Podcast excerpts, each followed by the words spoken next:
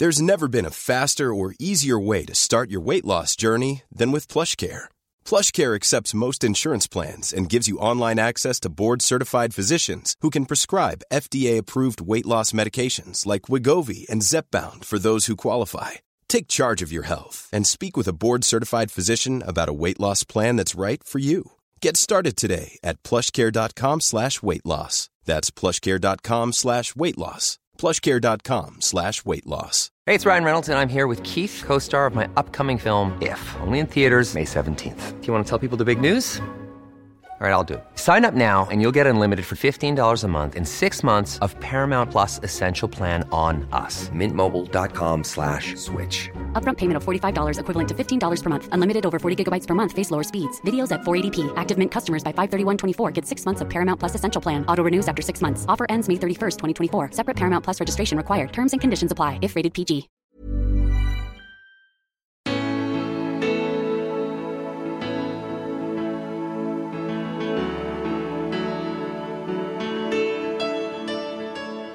Aldrig varit världens bäst tränade människa.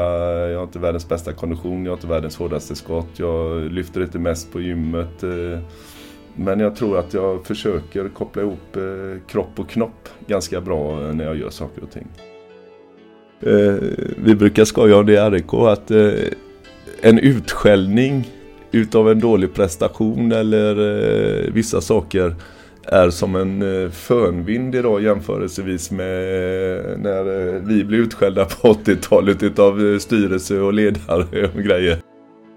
Här skulle vi sitta så skulle Lotta Matteus eller Rode Fölle komma och så skulle de börja prata med oss. Det hade aldrig hänt.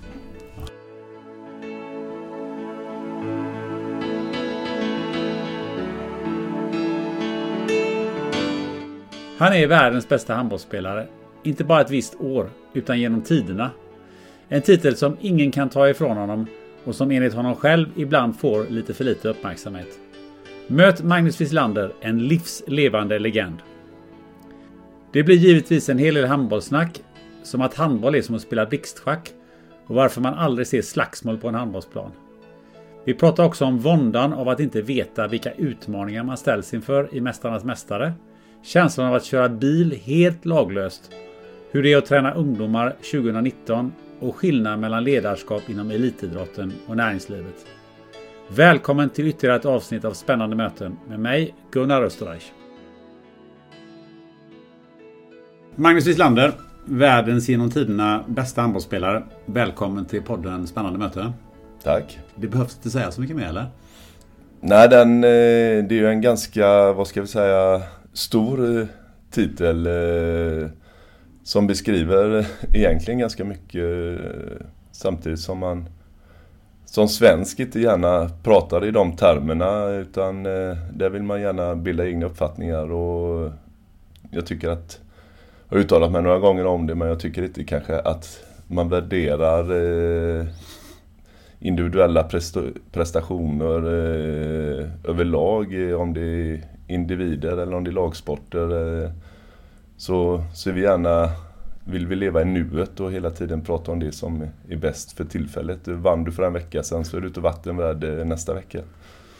Men brukar du presentera så här?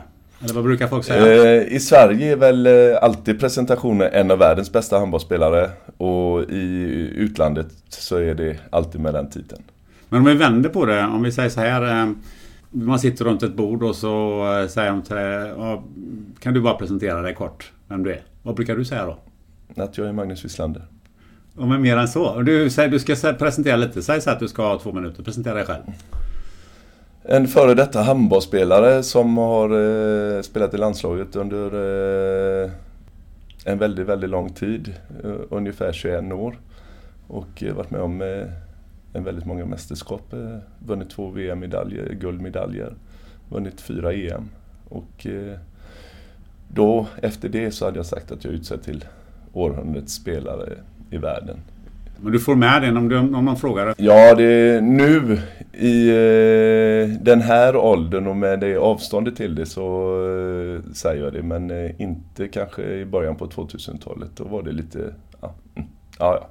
Nej, men jag tänker på att eh, om, om de vill att, du ska, att de ska presentera dig som eh, världens bästa handbollsspelare genom tiderna så Så det är klart, då måste du göra det själv också. Ja, men samtidigt så är det ju så att jag har ju kommit en bit på väg med mig själv kanske. så att eh, jag älskar när eh, jag blir presenterad som en av världens bästa handbollsspelare. För då brukar jag alltid säga nu för tiden att eh, ja, det är ju konstigt att jag blir det. För jag har ju fått pris som världens bästa handbollsspelare. Du blev ju, om vi bara fördjupar oss lite i det då. Du blev ju faktiskt vid millennieskiftet vald till århundradet spelar i Kiel, om jag inte är felunderrättad. Och sen korades du av Internationella handbollsförbundet till århundradets bästa spelare alla kategorierna. Och du är ju faktiskt den enda svenska handbollsspelaren som valts till världens bästa spelare något år. Eh, nämligen 1990. Ja, jag tror att eh, faktiskt Magnus Andersson fick eh, utmärkelsen några år senare också. Nej, jag har kollat upp det där. Alltså, ja, du är faktiskt ensam om det. För jag ja, tänkte att, spännande. Ja.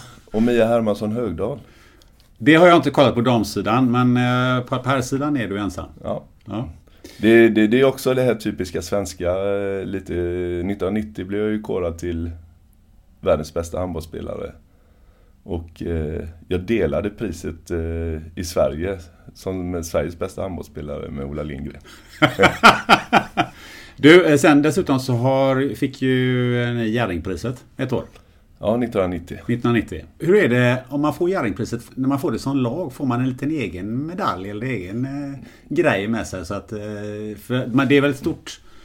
En stor pokal. Ja, det är en glasskål, en glasskål. Eh, är det ju som eh, delas ut. Men eh, man får ingen eh, egen liten glasskål utan den här glasskålen var ju vida eftersökt under ett tag när eh, man hade firade ska se så jag säger att 20-årsjubileum med Jerringpriset. Då ville man ju plocka fram det här från och gick runt och frågade lite vem som hade den i handbollslandslaget och det var ingen som visste. Men vi tror att Benga Johansson har smugglat undan den, trodde vi ett tag på i, hemma. Men eh, sen visade det sig nog att den stod någonstans uppe på förbundet. Du sa just där att, att eh, man blir inte tillräckligt uppmärksammad i lagsporter. Men är detta någonting typiskt svenskt eller är det typiskt lagsport? Jag säger inte att man inte blir uppmärksammad, eh, det blir man. Eh, men eh, även, hur ska man uttrycka sig, det, alltså lagsportare i sig själva är ju också väldigt blyga individer de mesta och väldigt ödmjuka. Så att det första man gör när någon talar om att du var bäste spelare idag och lite sådana grejer. Så så börjar man alltid, ja men eh, hela laget var duktigt och jag kan aldrig vara så bra om inte mina lagkamrater stöttar mig och spel, ställer upp och spelar fram mig eller något sånt där. Eller en målvakt som alltid berömmer försvaret om de gör en kanonmatch. Så att, eh, man är också lite blyg eh, med att ta åt sig den uppmärksamhet som man ibland kan få, för det har man lärt sig. Och det är någonting som jag också värderar väldigt högt, att, eh, att man är ödmjuk och hela tiden ser till sina lag kamrater och vad de gör. Och det är också väldigt noga med att tala om, liksom, man blir inte så bra om man inte har bra spelare runt omkring sig. Men samtidigt så är det ju lite så att ibland skulle man ju vilja önska att någon eller några då tar åt sig och den, ja men jag var jävligt bra idag liksom. Eller jag är duktig för tillfället och jag drar det här lastet men vi är upplärda så i det svenska samhället att man inte ska göra så. För ditt ledarskap eh, går ju också lite ut på det att eh, laget före jaget. Det har du ju betonat, eh, har jag läst och sett vid några tillfällen.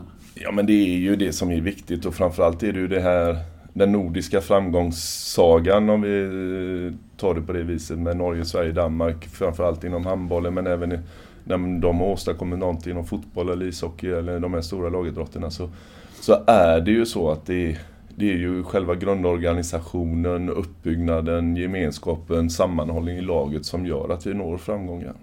Ja, för det är väl lite speciellt eh, svenskt eller till och med nordiskt kanske. Eh, om man tittar på, på fotbollslandslaget så är ju, är ju stora delar av framgångarna att man är ett lag. Och, och individerna kan underordna sig det. Och det var väl, eh, fanns väl lite undantag där eh, med Zlatan. Ja, det är väl lite så Eh, ja, ett svenskt landslag kunde ju inte klara sig utan Zlatan men eh, nog presterar man i Ryssland under VM eh, utan Zlatan och alla slet och kämpade för varandra. Och det är väl någonting just i den här gemenskapen, hur man bygger upp eh, ett ledarskap. Och jag tror inte, nu vet jag inte, men jag tror inte man eh, diskuterar den svagaste länken i kedjan, att det är spelare nummer 15, 16, 17 och sådana grejer som man tar ut i, som inte får spela så mycket jag älskar ju det uttalandet eh, hockeyförbundskaptenen hade nu att ja, men jag tar inte ut honom för han är van att spela eh, 20-30 minuter i varje match och jag tänker inte använda honom mer än 2-3 minuter i varje match. Jag tror inte han klarar det. Och då väljer man någon annan spelare istället. Och det, typ, det tror jag är ganska typiskt svenskt nordiskt ledarskap. Skulle det behövas fler eh, fixstjärnor i handbollen? Jo, men eh, så kan det nog vara. Men eh, sen får man nog värdera hela handbollen som sport och hur man ska vara och hur man ska uppföra sig.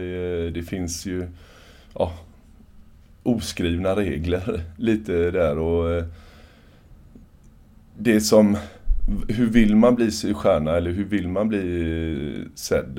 Och jag tror att eh, de här stora rubrikerna för att man har slått sönder ett hotellrum eller någonting och blir stjärna på det viset, det, det eftersträvar man inte. Utan eh, någonstans är det de här gedigna killarna, tjejerna som eh, tar en smäll, inte ger igen. Eh, ja, är stora, starka liksom eh, som tål hur mycket som helst och aldrig säger någonting. Och det, det kanske är lite svårt att bli stjärna på, på det sättet. Eh, när man inte vill uttala sig eh, offentligt om olika saker. Så att, eh, det är nog både på gott och ont. Eh, sen är det ju som, eh, som jag kan sitta och titta på handboll eller någonting så, så kan jag ju njuta utav de här stora stjärnorna alltså som kliver fram och man har blick för spelet och det finns ju otroligt många sådana spelare. Samtidigt som det är en väldigt tajt och jämn sport som det blir svårare och svårare för ja, individer att alltid vara bra. Vad är de oskrivna reglerna som du nämner?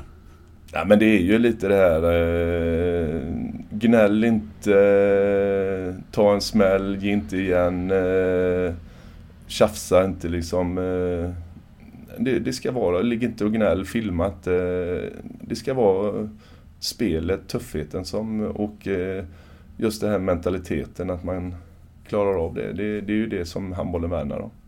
För eh, jag kommer ihåg när jag jobbade på eh, Salming för, eh, för ett tag sedan och vi började titta på om vi ska gå in på individuella spelare. Så kunde inte ens vi riktigt räkna upp de här flera superstjärnor än Karabatic och Mikkel Hansen och, och, och, kanske en, en eller två till. Sen, sen är det ju inte så många som man känner igen, inte ens om man försöker sätta sig in i handboll lite grann.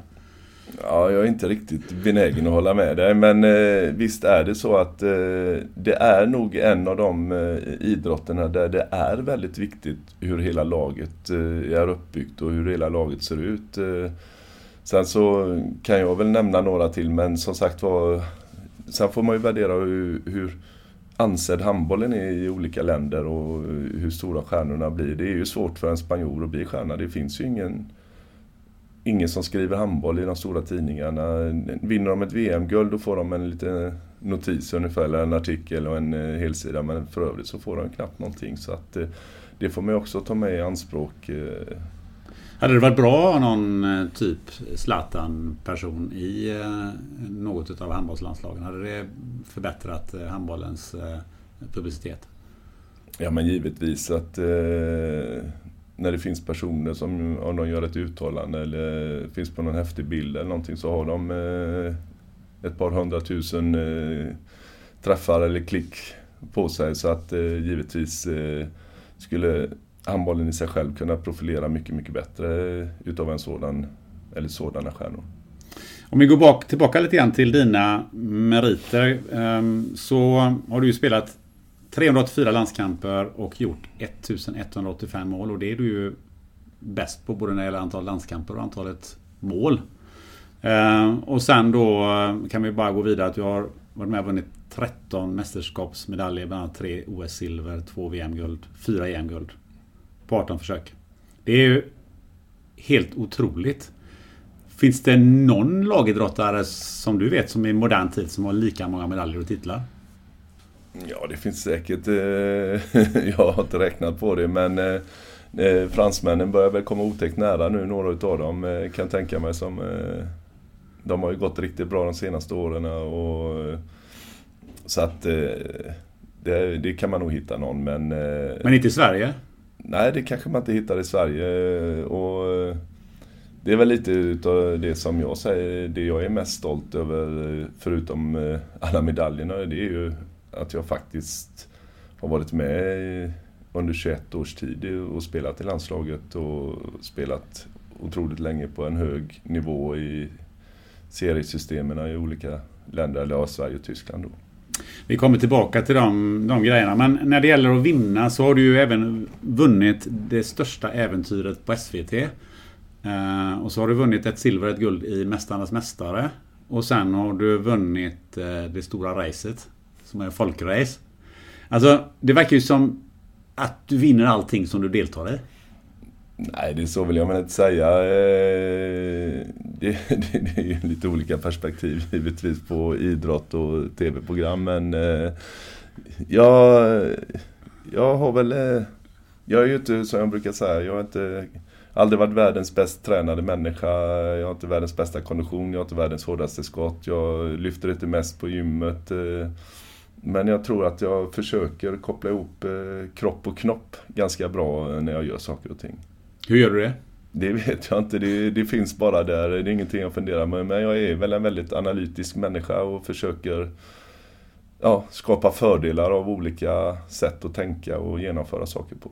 För det intrycket eh, jag fick i alla fall senast när det gällde eh, Mästarnas Mästare och den här lagtävlingen ni hade. Det kändes som att du var väldigt laid back och, och nästan som du inte tog det på allvar fast någonstans där inne så var det någonting i blicken som, som inte som inte stämde överens med, med resten av eh, kroppshållningen och snacket.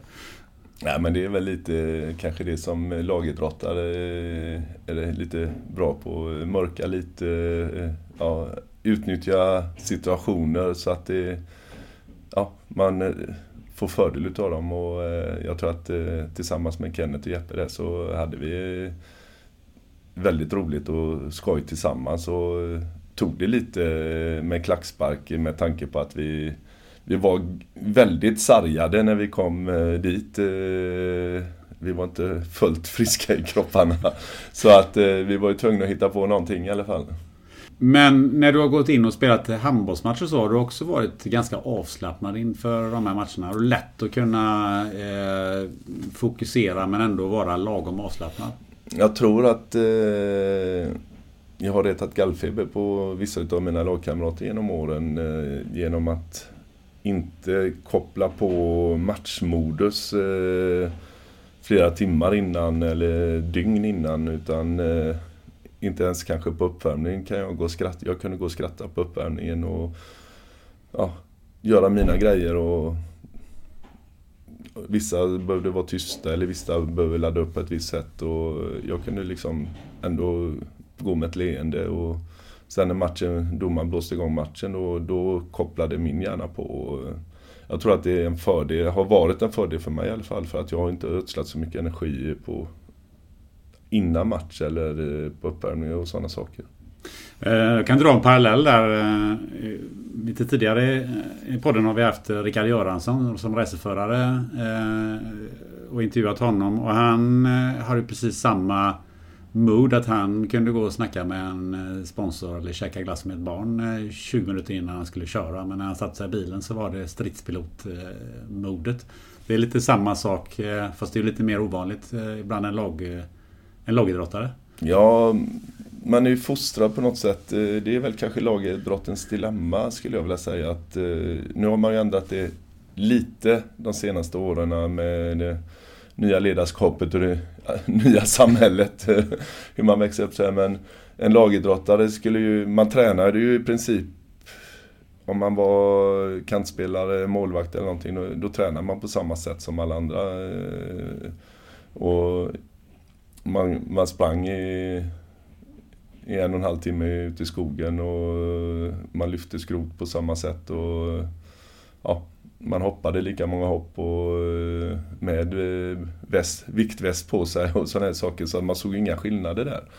Och, eh, så att, och sen så när det var uppvärmning eller någonting, ja då gjorde alla samma. Man sprang just först alla tillsammans och sen gjorde man det tillsammans. Och, så man anpassar ju ingenting efter individen egentligen och det gör man väl lite mer idag. Du, har du några såna här andra okända titlar? Typ eh, kortspelsmästare eller några sådana där eh, Eh, färdigheter som du eh, inte har eh, offentliggjort? Nej, det inte vad jag vet, inte vad jag tänker på. Eh, så det, det finns inte så mycket tid och det men självklart, eller självklart, jag spelade väldigt mycket kort i, när vi åkte buss i Tyskland tillsammans med tränaren och en eh, ledare. Som spelade ett tyskt kortspel. Och Som heter? Skat. Ja, skat. Ja, men det har faktiskt mina mm. föräldrar spelat ja, med mig. Ja. Det är riktigt roligt att få tänka till lite. Jag gillar ju sådana här tänkande saker eh, när man inte bara gör utan man får, kan i alla fall påverka någonting. Och eh, det var väl skäligt så jag kunde spela. Sen gillar jag att spela settler också. Och det brukar gå rätt bra. du, eh, hur var det att vara med i de här lekprogrammen? Hade du någon favorit där?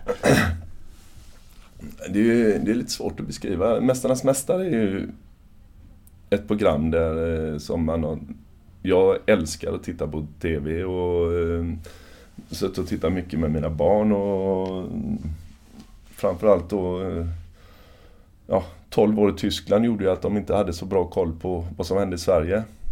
Och när man då pratar om det kanske de inte hade haft ändå för de är födda på 90-talet. Men eh, jag pratar ju väldigt gärna om eh, Ingemar Stenmark, Björn Borg, eh, hockeyspelare och, eh, som har varit duktiga, och pingispelarna som var otroliga. Liksom.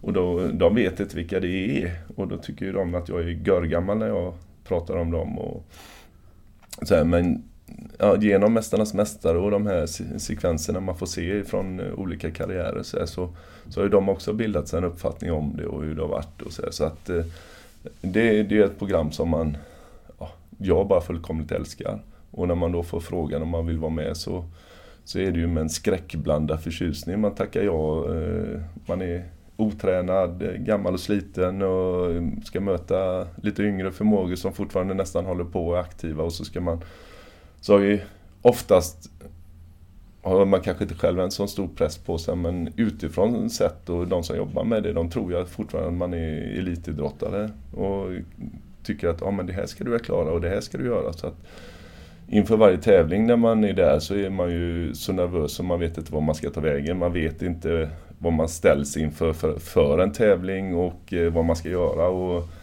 det är väl typiskt TV, det är, det är lite jobbigt. Idrottsmän vill, vill ju förbereda sig veta exakt vad man ska göra och ha sina preludier ungefär eller procedurer hur man ska bete sig. Och eh, här blir man liksom, ja du får testa en gång och sen ska, är det skarpt läge. Och helst skulle man vilja träna på det i två, tre dagar innan för man vet vad, det, vad, man ska göra och det får man ju inte. Och då är man ju skitnervös och mår dåligt eh, inför tävlingen och så ska man försöka prestera. Så.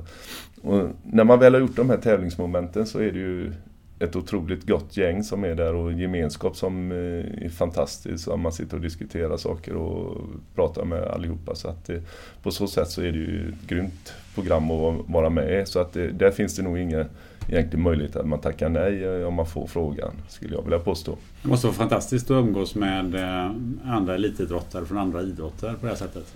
Ja så är det ju och sen så tycker jag väl att jag har haft förmånen genom väldigt, väldigt många år att lära känna de här idrottarna eh, som är duktiga eh, på olika sätt. Och, eh, Sverige är ju på så sätt fantastisk, eh, måste jag säga. att När man träffar någon på en flygplats ute i Europa eller någonting som om det är fotbollsspelare, tennisspelare eller vad som helst så, så pratar man med varandra. Och lite också artist, liksom den genren på något sätt. Så då kommunicerar man väldigt mycket med varandra och uppskattar det den andra har gjort eh, på ett bra sätt. Är det skillnad på det jämfört med andra länder? Ja, jag tror att det, Sverige är ganska ensamma om det här och har lite olika tillställningar. Vi är väl lagom litet för att kunna göra det också. Eh, Idrottsgalan är ju ett sätt, eh, olympiader som man har varit tillsammans på ett annat sätt då. Men Eh, Eh, jag har ett exempel. Jag satt i mitten på 90-talet eh, på Arlanda tillsammans med det tyska landslaget. Eh, nu under tiden Martin Dahlin var kung i Gladbach. Och jag skulle flyga tillbaka till Kiel, eller till Hamburg då, med, och tyska landslaget satt där och väntade. Vi satt och pratade lite, så kom Martin Dahlin gående. Och då lyfter de ju på huvudet liksom. Oh, då hör man att det blir lite tyst. Så kommer han fram direkt till mig och sätter sig jämte mig och så sitter vi och pratar. Och sen så säger vi hej då. Då kommer tyskarna fram till mig. Känner du honom? Ja, jag har träffat honom några gånger sådär. Ja, men han kom fram och pratade med dig. Du är bara handbollsspelare. Ja, vad menar du? Liksom. Eh, ja, men du menar typ här skulle vi sitta så skulle Lotta Matteus eller Rode Fölle komma och så skulle de börja prata med oss. Det hade aldrig hänt. Aha. Och det, det var lite... Eh, ja, för mig var det ganska beskrivande på, på hur det ser ut eh, i olika länder. Ja, men jag kan tänka mig det att vi i Sverige sluter upp väldigt mycket runt våra landslag och mm. våra idrottare. Kanske på ett annat sätt än vad man gör i, i Tyskland. Ja, det tror jag ju inte, alltså beroende på vilken fangrupp man eh, håller sig till. Men eh, just det här, eh, den, vi är väldigt duktiga på att utbyta ja, eh, vad vi är för människor, hur vi tränar med varandra, idrottsmännen och lite tips eller så här grejer. Sen är det ju lite annorlunda med de andra TV-programmen. De är ju... Det, det kanske man inte... Där blir man ju också lite sådär, det största äventyret till exempel. Ja, ringer upp någon och säger ja, vill du vara med på ett tv-program? Vi har aldrig gjort det här förut men eh, det blir ganska spännande. Så, ja, bara, ja, men jag kan inte säga så mycket. Jag ska hålla allting hemligt. Liksom. så, ja ja, men något måste jag vara liksom. Ja, men lite, vi ska ut och resa runt världen och det är lite så här. Ja, och det jag tycker inte om att gå storstadsmänniska, jag tycker inte om att promenera, inte jättemycket ute i naturen på det sättet men eh, det här var ju en otrolig upplevelse och det är ju en, en chans, tyckte jag då, som inte man får eh, så ofta att göra en sån här grej och då tycker jag det är spännande och roligt. Och racerförare är det också va? Ja men det är ju en liten pojkdröm eh, som gick i uppfyllelse. Eh, få vara ute och köra bil eh, helt laglöst. Eh, glöm allting som man lärt sig i körskolan och eh, Nej men det var, det, det var ju ingenting att snacka om. Jag tyckte det, det lät ju skitroligt och det, det är nog det roligaste jag gjort på de senaste åren. Så att, eh, det ska jag nog försöka fortsätta lite med också och fortsatt lite efter tv-programmet var färdiginspelat och fått lära känna en familj och en värld, en folkracevärld som är Först familjen är ju fantastisk, öppen och vänner man har fått för livet egentligen. Och även den här folkracevärlden är ju en otroligt öppen värld när man är på tävlingar eller i depån eller någonting. Så är ju alla och hjälper varandra och ställer upp för varandra. Och sen så är det full fight när det är ute på banan. Men det är jätteroligt. Finns det något tävlingsprogram som du inte skulle ställa upp i? Typ Kockkampen eller något sånt där? ja, jag har väl tackat nej till ett antal tv-program eh, som jag inte tycker är så roligt. Eh, eh, Hela Sverige bakar är väl något sånt där som inte riktigt lockar mig och eh, även Let's Dance är ett annat program som inte känns som det är min grej riktigt. Du, vi går tillbaka till um, handbollen. Um, I största allmänhet, vad är, vad är tjusningen med handboll utifrån din horisont?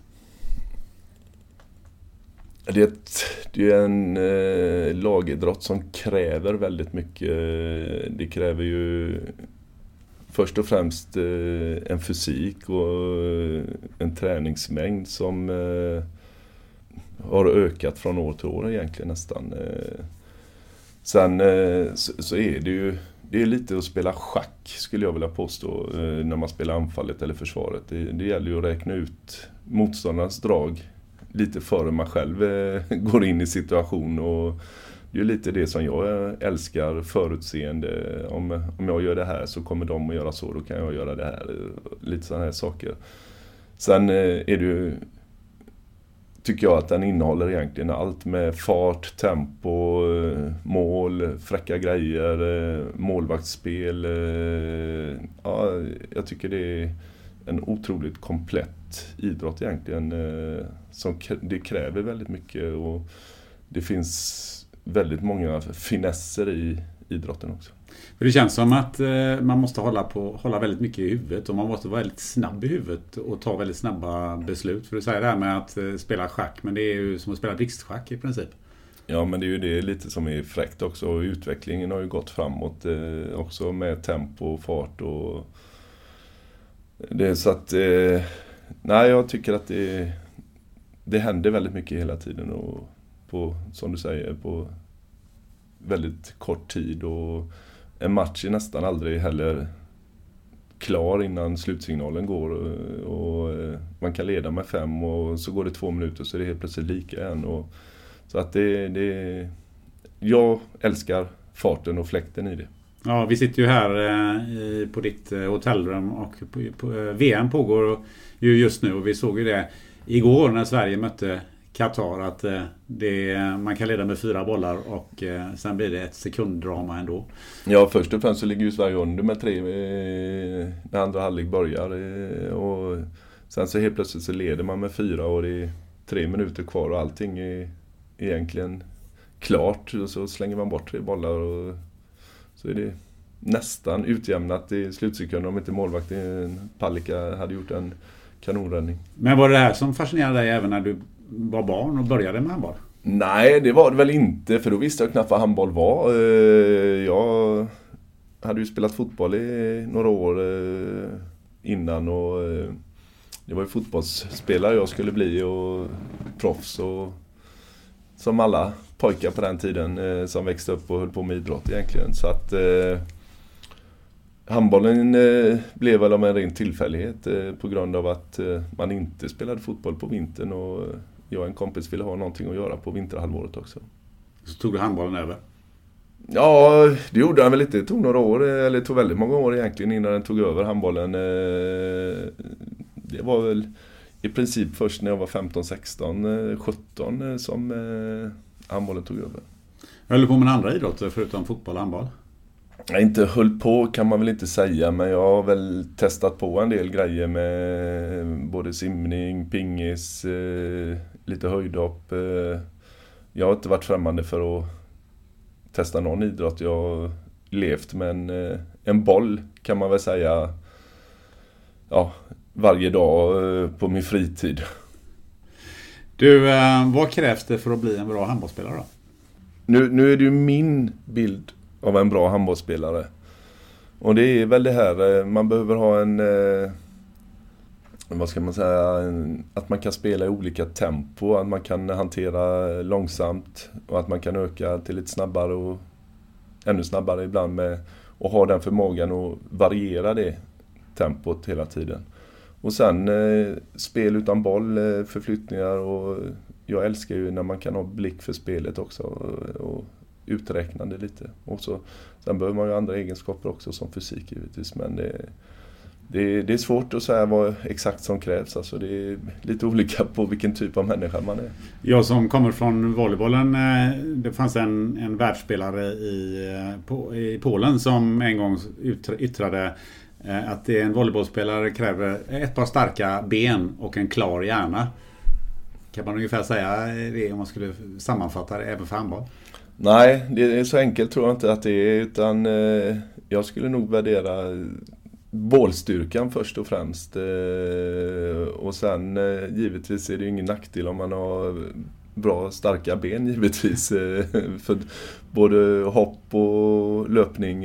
Så att, men det, ju, det, ska ju koordineras det här också med stegersättningar och kullager och olika rörelser och man ska klara det helst på tre steg allting. Du, ehm, för att komma in på lite just det med handbollsterminologin eh, som säkert många inte är hemma på. Vad, vad är det här med att spela på, på 9 meter och 6 meter och vad är mitt nia och mitt sexa och såna grejer? Kan du förklara det lite helt, helt kort bara? Nej, det är väl... Eh, ja, för mig är det inte så svårt men förklaringen kanske är lite svårare men eh, man, det, allting rör sig egentligen runt eh, från målet och eh, det som är målområdet som är 6 meter, en halvcirkel. Och sen så det är den heldragna linjen? Den heldragna linjen och sen kommer det en eh, prickad linje kan man väl säga, eller lite, en linje med mellanrum emellan. En streckad linje? Ja, ja en streckad ja. linje kanske det heter. Eh, som är på 9 meter. Och där går ju gränserna liksom, och det som kallas för 6 meter det är väl egentligen att man är mellan den här streckade linjen och eh, den heldragna linjen och sen så är det ju vänster, höger, mitt. Det är ju, det är ju inte så svårt. Nej. Och, det, och sen då 9 meter, då, då håller man sig mestadels utanför. från start i anfallen i alla fall eh, utanför den här sträckade linjen. Så att man spelar väl, eh, när man spelar på 9 meter så spelar man väl mer egentligen på mellan 15 och 11 meter än på själva 9 meter. Men du har spelat på båda eh, linjerna eller positionerna så att säga. För du var ju världsspelare på 9 meter och sen så hamnade du på linjen. Ja, det var väl en intressant eh, omflyttning om vi säger så. Eh, och det var väl egentligen tack vare Benga-Johan som det blev som det blev och Carlén. Eh, jag tror vi spelade någon turnering i Tyskland eh, ja, 94-95 där eller någonting. Och eh, Carlén fick åka iväg av någon anledning och vi skulle spela en match till och då säger Johansson att ja, men då får du spela på linjen som mittsexa. Ja, ja, så ja. Och det, jag gjorde väl en sju eller åtta i den matchen så att eh, det, det blev jag kvar lite eh, under den perioden. Sen, sen så berodde det till stor del på att eh, det svenska landslaget hade fantastiska spelare på nio meter med Lövgren, Magnus Andersson, Staffan Olsson. Eh, så det var ju, det var ju en dröm att spela på som mittsexa där. För att eh, de ville ju hellre spela in till mig än att skjuta själva. Så att det, man fick mer bollar där än vad man fick när man spelade på nio meter nästan. För ibland får jag en känsla av att den stackars spelaren som är där inne och bökar och slåss. Det är ganska sällan den spelaren får, får några bollar. Ja, det, det stämmer väl. Men med de nio meterna så, så fick man bollen ofta. Och det var där du fick namnet Slangen? Nej, det kom eh, från mycket tidigare. Eh, när jag debuterade i landslaget nästan. Jaha, var kom det ifrån då? Ja, det var... Jag vägde ju lite mindre än vad jag gör idag och då, idag tycker jag att jag väger mycket. Idag har jag fortfarande den matchvikten som jag hade på 90-talet som jag tyckte var rätt okej okay matchvikt, eller bra matchvikt. Men jag vägde 10 kilo mindre när jag debuterade i landslaget. 1,95 lång, 82 kilo. Eh, var rätt smal. Och eh, kom igenom lite luckor och sådana här grejer och det var därför jag fick namnet Slangen. Eh. Men eh, som sagt var det, när du säger det som mittsexa eller någonting så jag tyckte inte, jag tränade ju aldrig som mittsex för det var ju göttråkigt. Eh, fick man bara ont. Och fick aldrig ha bollen som du sa så att eh, jag fortsatte ju att spela på 9 meter i, i landslaget några år till. Eh, och sen när Carlén la av 96 så blev jag mer konstant på linjen. Men i klubblaget spelar jag i princip bara på 9 meter fram till sista året. Du har ju nyligen sagt så här att eh, eh, du skulle haft lekstuga med dagens eh, spelare om du hade stått på plan. Hur, hur menar du då? Alla, alla, citat som, eller rubriker som skrivs i tidningen får man ta med en nypa salt eh, först och främst. Men eh, det som jag sa också, det var väl lite skämtsamt att eh, självklart skulle jag leka med dagens spelare i handbollsligan. Inte internationellt sa jag inte, utan eh, i handbollsligan. Okay. Och det är väl för att den spelstilen och det, på det sättet som eh, jag spelade och de lagen jag spelade med. Eh, det finns inte riktigt idag. Man spelar på ett annorlunda sätt, man beter sig lite annorlunda i försvarsspelet och sådär. Så att lite av den anledningen så så sa jag väl det, man spelar väldigt mycket med låga armar, eh, breda ben och så här. Och det älskar ju vi när vi spelade handboll eh, på 90-talet och 2000-talet att eh, spela in mellan benen eller över huvudet på motståndarna. Så att vi fick ju lära oss väldigt mycket mer och jobba med händerna högt och mer i fötterna kanske. Och så, här, så att det är väl lite på det sättet jag menar. Och man tänker inte så mycket idag utan det går mycket med fart och kraft och de här tänkande spelarna finns inte så många utav. om man tittar på gamla klipp eh, i handboll så tycker jag väl att det fanns ett steg som togs när ni blev riktigt bra. För innan dess var ju handboll ganska tråkigt att titta på. Det var väldigt mycket man hystade bollen till varandra och det hände inte jättemycket mer att man, man bökade. Sen tycker jag att eh, ni kom och tillförde någonting nytt och någonting mer i handboll. Kanske också för att eh, Sverige, att det var Sverige och att Sverige var bra.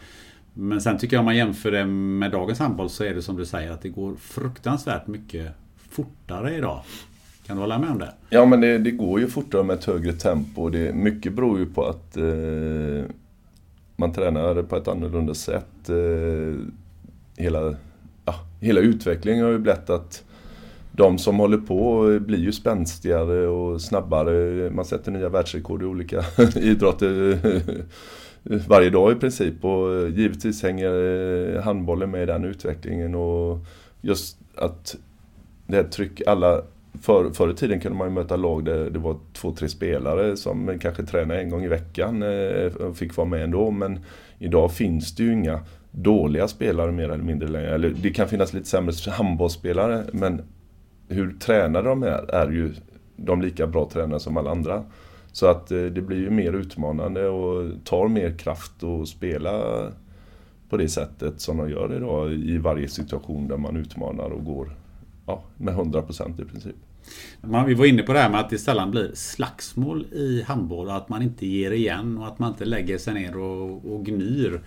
Eh, och jag måste säga att jag, jag har nog aldrig sett slagsmål på en handbollsplan jämfört med om man tittar på fotboll till exempel eller basket eller eh, ja, vilken annan eh, lagidrott som helst. Och ändå är ju handbollen eh, extremt mycket kroppskontakt och, och mycket tjuvnyp också kan jag tänka mig.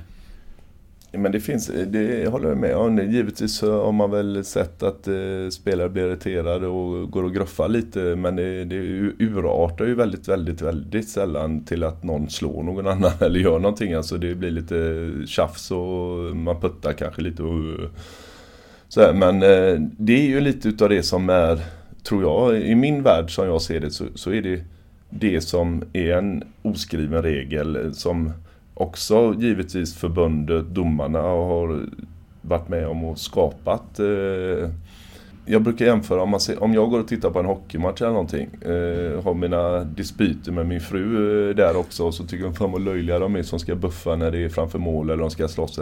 Men jag förväntar mig det när jag går på en hockeymatch. Eh, när jag går på en fotbollsmatch så, så går jag dit och förväntar mig att eh, det kommer att vara ett visst antal avbrott och de ska spela bollen över sidan för det är någon som har fått en, eh, någon som har trampat på tårna eller någonting eh, sådär. Då förväntar jag mig det. Men när jag går på handboll då förväntar jag mig exakt det som du säger. Ja men det ska det ges och det ska det tas men aldrig någon som ska säga någonting. Och det, det tycker jag, det, liksom, det, det står man för och det är det som är häftigt. Jag tycker det är kul när folk säger ja men eh, hur, hur tog ni så mycket stryk eh, och ni säger aldrig någonting?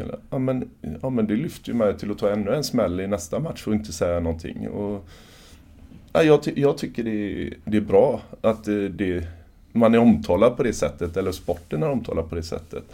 Och det, jag har ju mina uppfattningar om en hockeyspelare som får ett slagskott på, på foten och eh, bryter foten eller inte kan ta sig ut, nästan ligger och vrisa på isen och så sen så använder han klubba och handskar till eh, ispiggar och drar sig ut till båset för att eh, det är ingen som kommer att blåsa av. Medan eh, en fotbollsspelare då kan få en smäll utanför plan men rullar in på plan för att domarna ska blåsa av matchen. Och så, så att, ja. Nej, så att det är olika förväntningar tycker ja. jag och olika beteenden. Men kan ni ibland komma överens om innan ni gick in på plan att eh, nu plockar vi den här spelaren och nu ger vi honom en liten smäll över snoken så han håller sig lugn och lite sådana här grejer? Det gjorde man på eh, 80-talet och början på 90-talet. Eh, då, då var det mer så. Att, eh, jag vet ju att RIK hade ju ett par tuffa dramlingar alltid med drott i en SM-final eller någonting. Och då, vet man ju att om man slog Magnus Andersson lite på näsan eh, så tyckte inte han att det var så roligt att spela. Och då försökte man göra, då grisade man mycket mer. Idag är, det, idag är alla kompisar eh, mycket mer än vad man var med skolorna. Man flyttar, man byter föreningar och lite sådana grejer. Så alla känner alla. Så att det här med de här riktigt fula grejerna med avsikt, det förekommer inte eh, sedan 25 år tillbaka i handbollen. Liksom. Men men det var väl en av orsakerna till att ni vann eh, 1990 att eh, Carlén gav sig på eh, den här ryska storskytten och sen tyckte inte han det var lika roligt att, att vara på handbollsplan. Nej men det är väl lite så att eh, man fick ju ta till lite knep och det är ju det här som, som jag tror lagidrottare är. Lite, man ligger på gränsen, man utnyttjar systemet lite eftersom det finns oftast två domare dessutom, eller en domare som ska kunna se allting. Och då, man försöker utnyttja det lite och om man vill kalla det på gränsen till fusk eller eh, smarthet, det vet jag inte. Men går inte handboll ut på att vinna i slutändan? Det gör det väl alla idrotter, eh, eller? Jo, men jag tänker på att eh, om du kan vinna genom att eh, desarmera någon storskytt på andra sidan genom att eh, ge dem en liten extra smäll på snoken så eh, var går gränsen för det? För ändå i slutändan så vill du stå där som segrare. Är det inte någonting som man måste tåla? Jo, men alltså just det här med att få en smäll, det, det måste man ju tåla. Men eh, ge en smäll och skada en annan spelare medvetet, nej. Nej, det tänker jag inte på. Men jag tänker att det gör ju ont ibland. Och i vissa ställen gör det ju lite mer ont. Man kan ju fortsätta även om man har fått en liten smäll på snoken. Jo, jo men så är det ju. Nu, är, nu har ju domarna och det utvecklats också givetvis till att förbjuda sådana här saker. Man fick se ett rött kort på Linus Arnesson igår för att han slog en på näsan. Och, eh, så att domarna hjälper ju till att stävja det här också på ett väldigt bra sätt. Du, äh, du sitter ju som expertkommentator eh, för radion Eh, här nere i, eh, på handbolls-VM. Eh, hur är det att vara expertkommentator? Svår fråga att svara på själv. Jag tycker att det är jätteroligt och eh, få vara på mästerskap, få kommentera, få tycka och tänka lite om spelarna. Och, eh, det, det, tycker jag är roligt och jag trivs väldigt bra med det. Eh, sen bedömningen om hur jag är, det vet jag inte. Det ifrågasätter jag inte så mycket. Jag lyssnar inte på mig själv. Eh, det finns några människor som kommenterar ibland men eh, det är ju upp till cheferna på Sveriges Radio att tycka. Eh, sen är det väl som så att jag går ju all, har ju, gick ju in med den här eller i det här jobbet 2005 och hade väl inställningen när jag började med det och kände väldigt många spelare som spelade och jag hade spelat med väldigt många själv i början när jag var expertkommentator.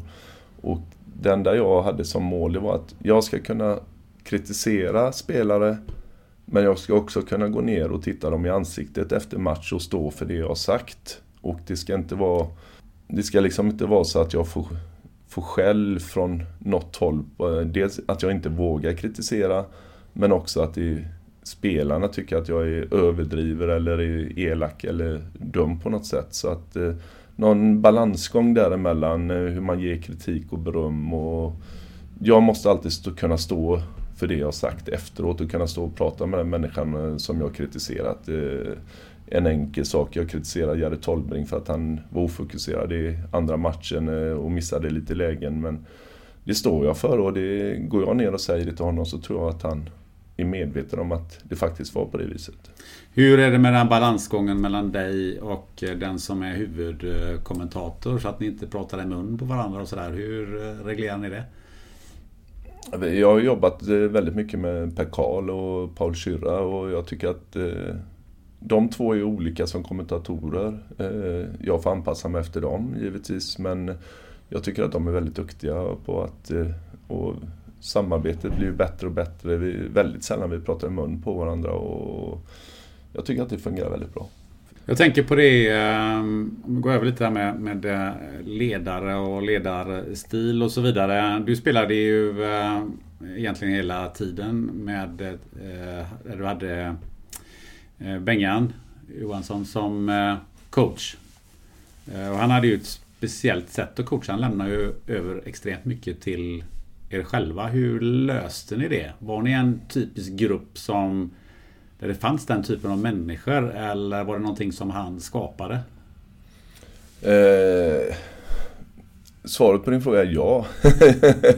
eh, på båda sakerna skulle jag vilja säga att eh, man ska väl ta med i beaktning, eh, tycker jag, som är väldigt viktig i det här, det är ju att vi vi hade ju Roger Agge Karlsson innan. Och eh, många duktiga ledare i, för övrigt ute i Sverige i klubbhandbollen. Och man gjorde ju... Ja, man, från att hobbyträna ett par gånger i veckan så började man ju träna ofantligt mycket i början, mitten på 80-talet. Och Ragge var ju en av de som låg bakom det här. Och när Benge och hade läger och vi var bland de bättre tränade i hela världen eh, i slutet på 80-talet. Som lag och som individer. Och när Benga tog över så var vi ju... Hade vi ju en mogen ålder utav allt från 25 till 32 tror jag, när han tog över. Så att det var ju inte några jätteungtuppar som var i laget. Och när han tog över då från Ragge och började med den här fördela ut eh, olika arbetsuppgifter. Eller, och det, vi tog också ett stort ansvar själva då som han gav oss. Så blev det en naturlig bit i det hela och det här laget innehöll ju otroligt många kompetenta handbollsspelare och tänkande handbollsspelare. Som hade väldigt mycket egna idéer och hur man skulle lösa upp försvar och hur man skulle spela försvar. Så det gav sig nog själv och det passade Bengan i hans ledarsätt väldigt bra in i det här. Eh, hade han, jag brukar säga så, hade Bengan kommit och tagit över ett lag 19-åringar så tror jag inte han hade kunnat jobba med det ledarskapet som han gjorde med ett gäng äldre människor. Och det är nog den stora skillnaden i det hela. Men var det hans sätt att leda som han hade gjort oavsett vem han hade haft? Eller var det hans sätt att anpassa sig? Man måste ju vara en speciell typ av ledare för att klara av att leda på det sättet. Jag tror att eh, man pratar ju väldigt mycket om anpassat ledarskap idag. Och det gjorde man inte så mycket på den tiden, men han var nog en föregångare i anpassat ledarskap. Det jag tror att han hade kunnat betett sig på ett annorlunda sätt om han hade haft en annorlunda grupp. Nu läste han av den här gruppen på ett bra sätt. Gjorde på det sättet och nådde också väldigt stor framgång på det, med det sättet. Men är det lite speciellt eh, svenskt? Hade det här, den här ledarstilen hade den funkat i Kiel i Tyskland? Inte till en början med. Men i, idag tror jag att väldigt många ledare jobbar efter det sättet. Eh, på ett eller annat sätt. Eh, jag tror inte att man kan kopiera ett ledarskap. Eh, utan kopian brukar alltid bli sämre än originalet. Eh, så att man måste i det här anpassade även ha en egen eh, stil liksom, som man står för själv också. Det tror jag är viktigt. För du var ju proffs i Kiel. Hur många år var du där? 12. 12 år i samma lag. Fick du uppleva väldigt många olika ledarstilar under det här året? När jag, när jag kom dit så hade jag ju en tränare eh, och, som eh, då, ja vad ska man säga, jobbar på ett sätt. Eh, och det var ju det var ju, vi tränade ju inte så mycket i början när jag kom ner. Och de andra jobbade och gick i skolan och vi tränade varje kväll mellan halv sju och halv nio i princip. Och en halvtimmes innefotboll varje träning. Så det var lite annorlunda mot hur det var hemma. Men när Nocca Sedarosi kom dit 93 så då var han ju väldigt tydlig i sitt ledarskap. Eh, och han kom ifrån, ja, som han själv sa, är han jugoslav, men ehm, han är ju då nu för tiden kroat. Men eh, han eh, hade ju ett ledarskap som lite var gammalt östledarskap, om man kan säga så, eller typiskt jugoslaviskt kroatiskt ledarskap. Och han pekade ju med hela armen och var väldigt bestämd. Och där fick man ju inte säga någonting inför gruppen om man tyckte någonting. Utan eh, det fick man ju lära sig lite. Eh, att man inte kritiserade eller kom med förslag under träning eller någonting. Sen kunde, man, kunde jag gå in och prata med honom efter träningen. Du, kan vi inte fundera på det här eller göra så här eller någonting? Då, då var ju svaret alltid nej. Direkt liksom, nej men så märker man att då tog han åt sig in det här och bearbetade det och så kom man ut kanske till nästa träning och sa nu ja, vi ska jobba och, och då var det ju hans idé ändå. Fast det ändå var min, men då stod ju han för det. Och det var väl ett sätt att leda det här då och det fungerade ju otroligt bra i ett antal år nere i Kiel. Och sen fick du någon ny tränare som hade... Nej, jag hade, samma, jag hade samma tränare under hela den kvarvarande tiden. Så han var, han var, tror han var tränare till 2010 i Kiel. Eh, jo, jag tänker på din gamla lagkamrat eh, Ruben Varanjes som ju eh, gick från att vara tränare i Flensburg till Vesprem i eh, Ungern. Eh, och nu eh, är han inte kvar där längre. Jag tror att det blev en kulturkrock där. Ja, lite... Nu kan inte jag hela historien eh, exakt vad som har hänt eller någonting men eh, Jubo byggde upp något otroligt bra eh, i Flensburg där han fick jobba under flera år och eh, målade upp på sitt sätt en bild hur han ville att det skulle se ut och formade den bilden under ett antal år och laget under ett antal år. Och nådde ju otroliga framgångar på det sättet. Och därifrån att flytta och ta ett mer färdigt lag eh, i Vesprem med, med storstjärnor och som är lite äldre och allting. Och också ha en bild och tro att man kan jobba långsiktigt. Så tror jag inte att de var beredda på det riktigt utan där är kortsiktigt och det resultat som räknas. Och Jubo är väl inte så att han det han har bestämt eller det han vill genomföra, då, då genomför han det till vilket pris som helst. Och jag vet inte vad, hur det slutade där och varför exakt, men eh, säkert är det inte jättelätt eh, att komma dit ner. Och sen så är, är det väl som så att vi, vi svenskar känner inte den ungerska mentaliteten riktigt. Hur är man där? Är man öst? Är man väst? Är, är man mittemellan? Eh, och sen så har man eh, andra nationaliteter i laget också som ska formas och ta del av det. Så att det, det kan nog vara lite tufft. Ehm, du själv har ju då varit med om ett antal ledarstilar och, och jag är och har varit ledare själv. Vad har du tagit med dig utifrån ett ledarperspektiv eh, från alla de åren som du var i landslaget och som du var proffs?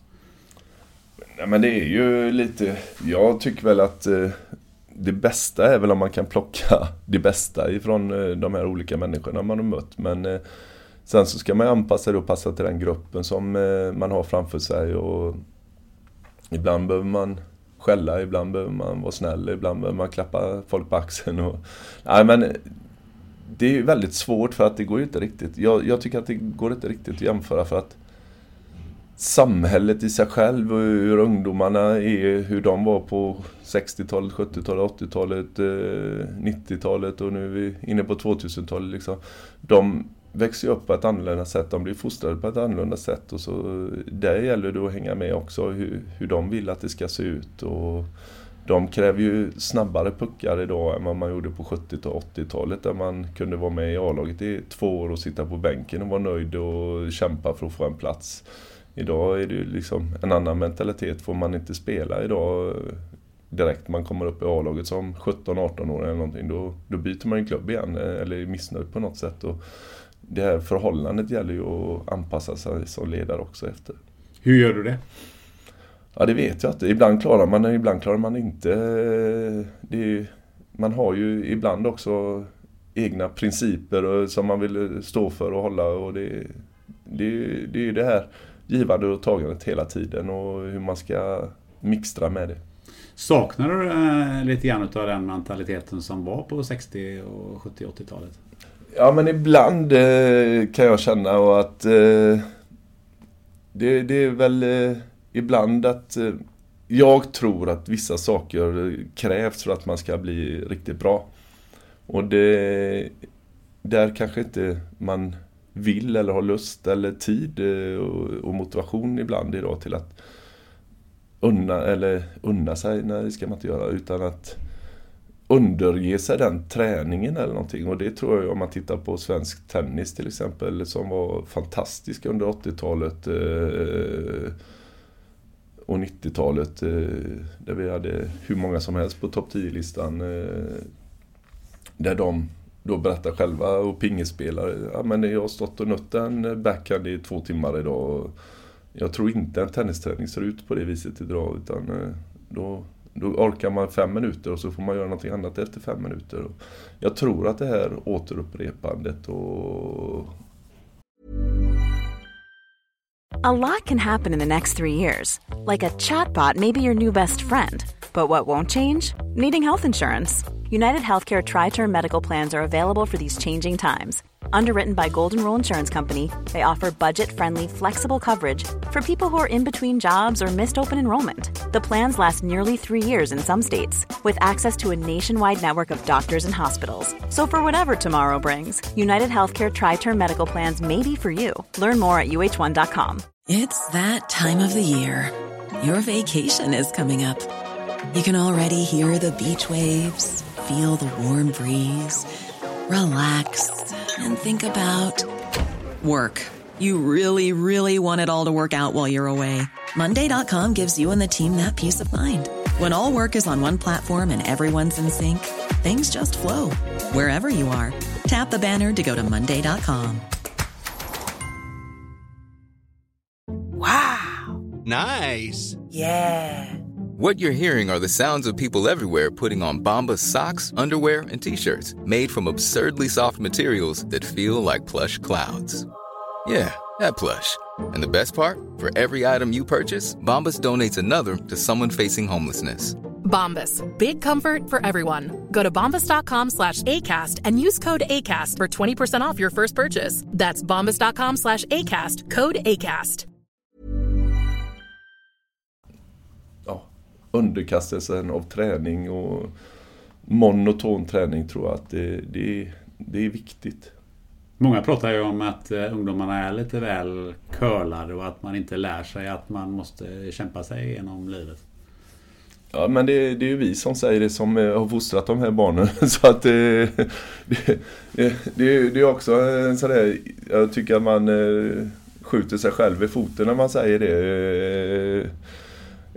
Men visst är det väl lite så. Eh, sen om det är på gott eller ont. Jag har gärna kört mina barn eh, och varit med och tittat på dem när de har idrottat. Eh, mina föräldrar gjorde samma sak med mig till matcher och sånt. Men däremot så cyklade jag ju de fem kilometerna till träning varje dag liksom och till skolan och så, så att där var kanske skillnaden att man, jag skulle vilja kalla att man kanske är lite för försiktig då med, i det skyddssamhället vi lever i man kan inte köra 200 meter till dagis utan att man eh, måste flytta barnstolen till eh, den bilen eller om, om farföräldrarna kommer och hämtar eh, barnet och ska köra då måste de ta med sig bilbarnstolen och sen ska de åka och lämna bilbarnstolen och ja.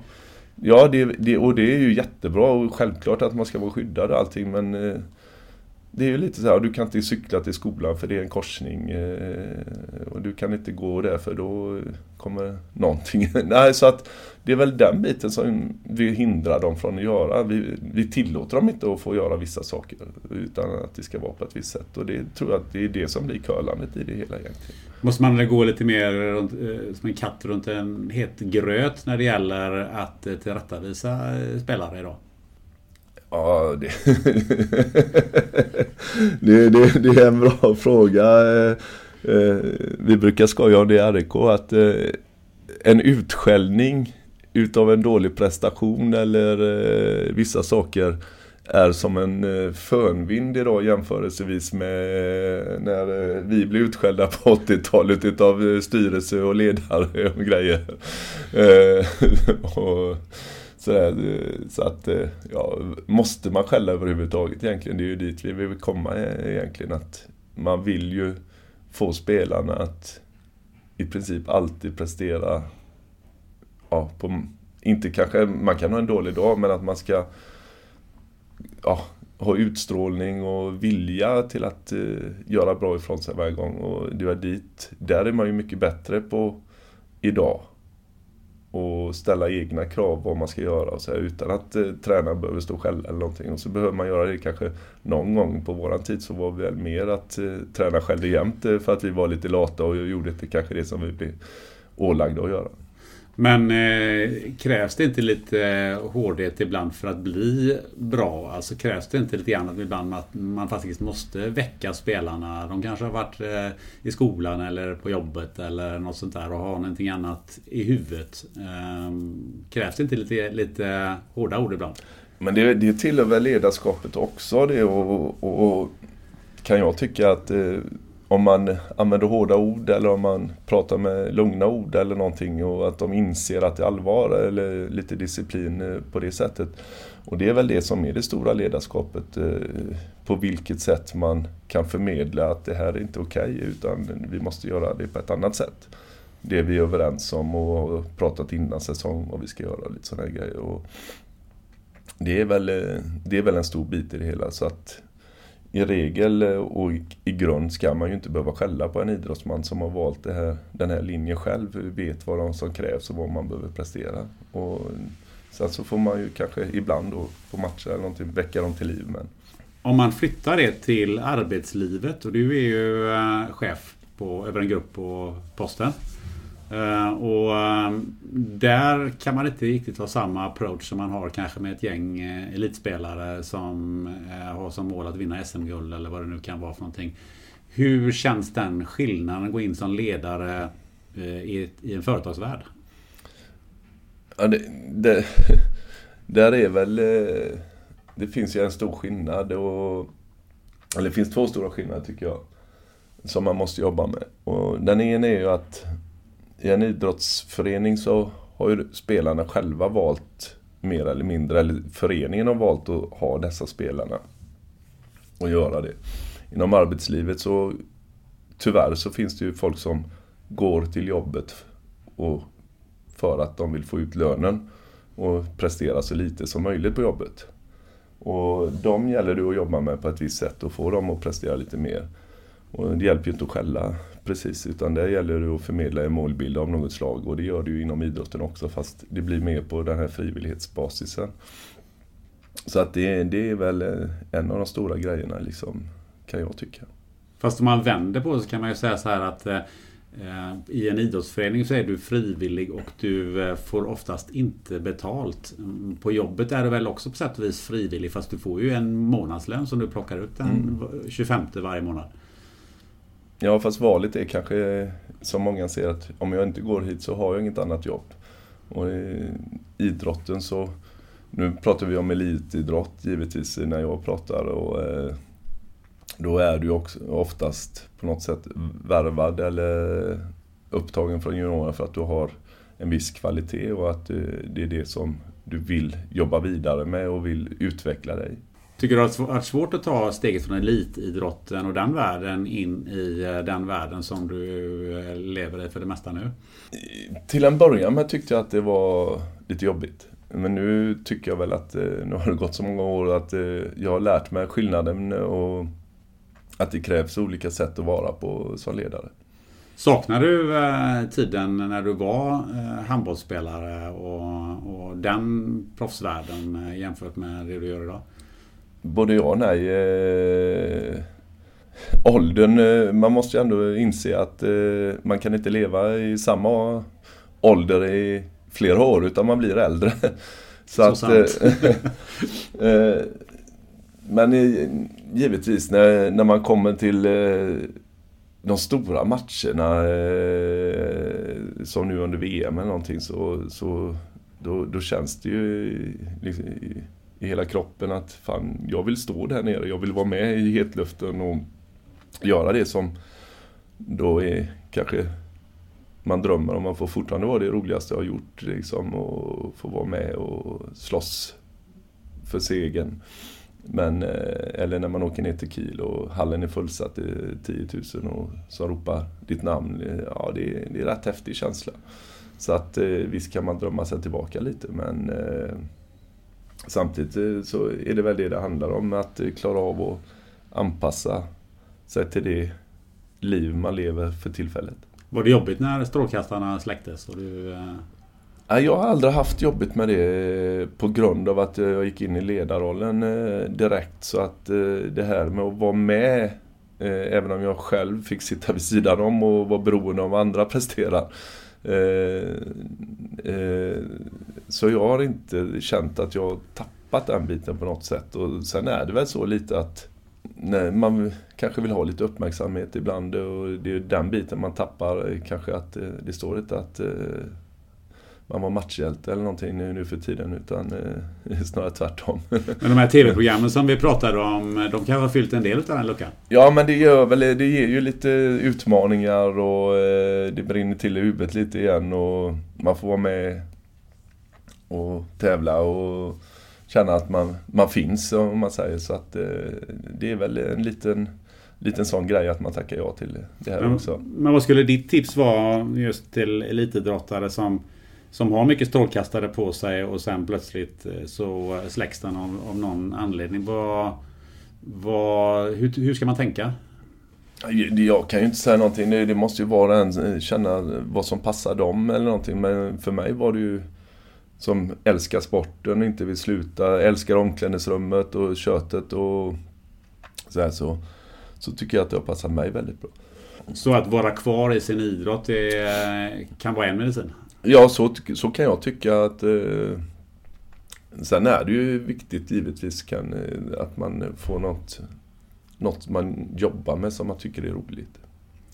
Du, eh, vi ska börja avrunda här, men jag har faktiskt en lyssnarfråga. Jag, jag hoppas att den här killen lyssnar, för det är en kille som heter Kenneth Andersson. Eh, och som, han undrar om du är sugen på att bygga torn?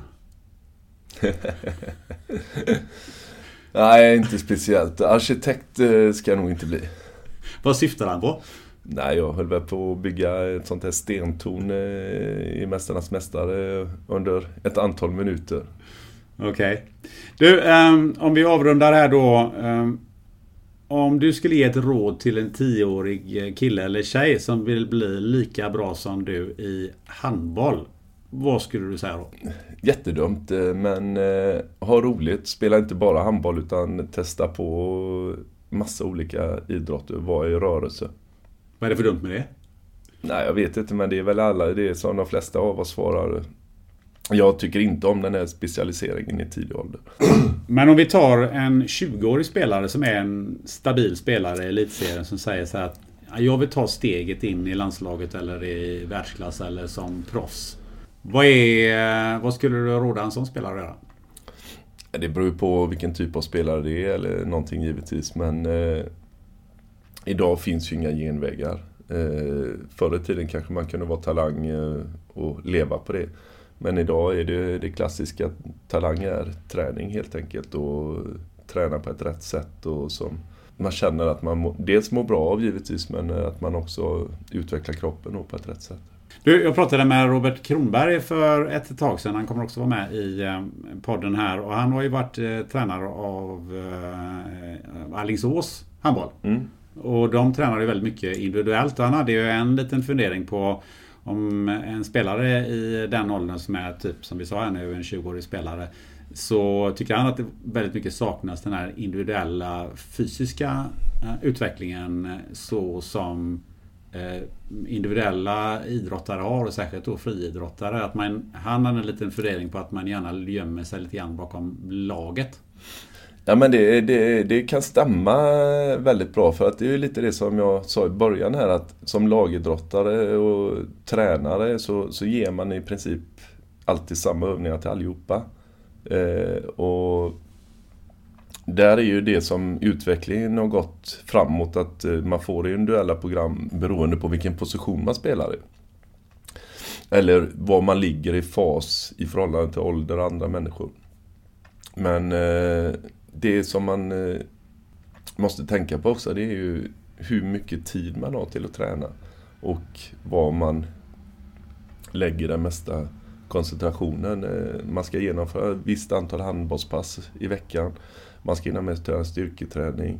Man ska hinna med att träna kondition helst. Så det blir väldigt, väldigt mycket som man ska hinna med i en sån här idrott då, som handbollen. Och, eh, där är väl eh, lite av problemet egentligen hur mycket man kan träna. Jag funderar själv, jag har funderat rätt mycket de senaste åren på folk då hur mycket, en skidåkare som säger att man tränar 600 timmar om året eh, ska öka till 800 timmar. Jag räknar räkna hur mycket jag tränade när jag var, gick på handbollsgymnasiet eh, under tiden jag var ja, 16 till 19. Då körde vi fem pass på, på gymnasiet, tre handboll, två styrka. Sen efter skolan så gick jag och tränade med A-laget sen, så efter det så tränade jag med juniorerna. Så jag var uppe på en 13 till 15 pass i veckan om man räknar på det sättet. Och det blir ju några timmar om året. Ehm, och hur mycket mer kan man träna, hur mycket mindre? Idag tränar man ju, tycker jag, ibland lite för, för lite grundkondition, för lite löpning. Där man springer långt i, i åldern 13 till 17 kanske, där man kan skapa sig den. Sen som elithandbollsspelare när man är 20-25 så kanske man inte behöver ligga och springa milen eller någonting. Utan då kan man skapa sig kondition på annat sätt eller genom intervaller. Men i början av den eh, tror jag att där tappar vi rätt mycket för grundkonditionen i sig själv genom dels att få upp den här, vad ska man säga, få med sig huvudet. Det är astråkigt att gå ut och springa en mil eller eh, vara ute och springa en timme och hinna med det. Och det händer ingenting men det, men det skapar eh, ett starkt huvud tror jag. Och det, det tror jag inte vi har med oss idag. Riktigt och som sagt var, det rent fysiologiskt så kanske inte det är det bästa sättet att träna Men eh, jag tror ändå att just det här mängden kanske är någonting som skapar ett starkt huvud. Och genererar att man orkar eh, hålla på under en längre tid. Vi körde själva två och en halv timmes pass i Skatos när jag var ja, 18-20 år. Det var fullständigt vansinnigt att träna på det viset och gav säkert ingenting men vi har ett huvud som eh, heter duga när det gäller att överleva vissa saker. Ett tjockt pannben får eh, avrunda eh, den här, det här poddavsnittet. Jag har bara två frågor kvar och det ena är om du skulle vilja intervjua någon. Du jobbar ju på Radiosporten. Vem skulle du vilja sätta i din stol? Nej, jag vet inte om jag skulle vilja intervjua någon på det sättet. Eh, däremot så skulle jag så skulle jag gärna ha velat gå med i ett antal dagar, ett antal träningar, matcher eh, med de här eh, gamla ryska hockeylegendarerna som tränare eller idag som vi ser som tränade dam, da, ryska damlandslaget, Trefilov. Men jag menar Jevtusjenko eller någonting och få uppleva deras ledarskap eller deras ledarsätt att vara på under en längre period. Om det är så att de bara skäller eller om det är ett spel för galleriet. Det kan vara kanske intressant och eh, för mig då att sätta någon av de här eh, killarna eller tjejerna för den delen i eh, intervjustolen då och lyssna lite på hur de jobbar och vad de säger. Ja. Du, om man vill följa dig, kolla in dig, och få kontakt med dig, hur gör man då? Oj, oj, oj. Eh, sociala medier. det är väl någonting som eh, jag eh, är med i, men inte tycker att det är så roligt att vara aktiv i. Men om man vill kontakta dig, gör man det genom RIK då? Ja, det är väl det bästa sättet. Eller så kan man väl... Jag läser ibland eh, vissa meddelanden på Messenger som går till mig. Du har inget mailadress som du vill meddela dig? Nej, det är ju den vanliga eftersom jag är anställd på Postnord så är det inte så svårt att hitta en mailadress till mig. Ett jättestort tack Magnus för att du ville vara med i eh, Spännande möten. Det var en ära att få snacka med dig. Tack själv. Har du funderingar eller frågor? Gå in på poddens sociala medier. Vi finns på Facebook, LinkedIn, Instagram och Twitter. Och passa gärna på att dela avsnittet med någon vän som du tycker ska lyssna på podden. Vill du nå mig direkt så tveka inte att mejla på gunnar.österreich.se. Och som vanligt, ett superstort tack om du betygsätter podden i iTunes. I nästa avsnitt, ja, då låter det så här. Att anställa dig är alltså som att slänga in en handgranat i organisationen. Och jag tänkte, ja det är passande när de heter Mohammed också. Det så han skrattade som fan. Jag bara, nej jag skojar bara. Så här är det, det här är en absolut sanning. Idag, det enda sättet för ett varumärke att absolut vinna över kunden, det är med upplevelsen med ditt varumärke. Det finns inget annat sätt att imponera en kund på. Du kan inte imponera med dina CFO-skills. Du kan inte imponera med dina eh, CIO-skills. Du kan inte imponera med att du har de senaste patcherna på servrarna. Nej, det är ingen som bryr sig om det. Det enda som spelar roll för en kund, det är vad kan du göra för mig? Hur kan jag spara tid? Eller hur kan du få höja min upplevelse? Amr Mohammed är AI-visionären som fick jobb på Stena Line och blev Dan Sten Olssons personliga rådgivare. Missa för allt i världen inte det avsnittet. Till slut, jag säger som vanligt, ha det gött och ta hand om varandra.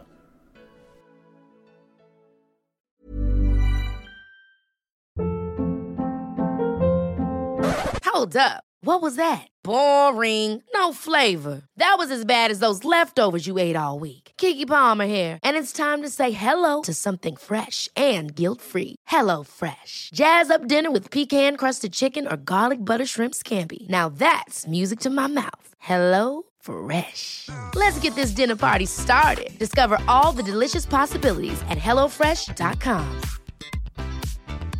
Even when we're on a budget, we still deserve nice things.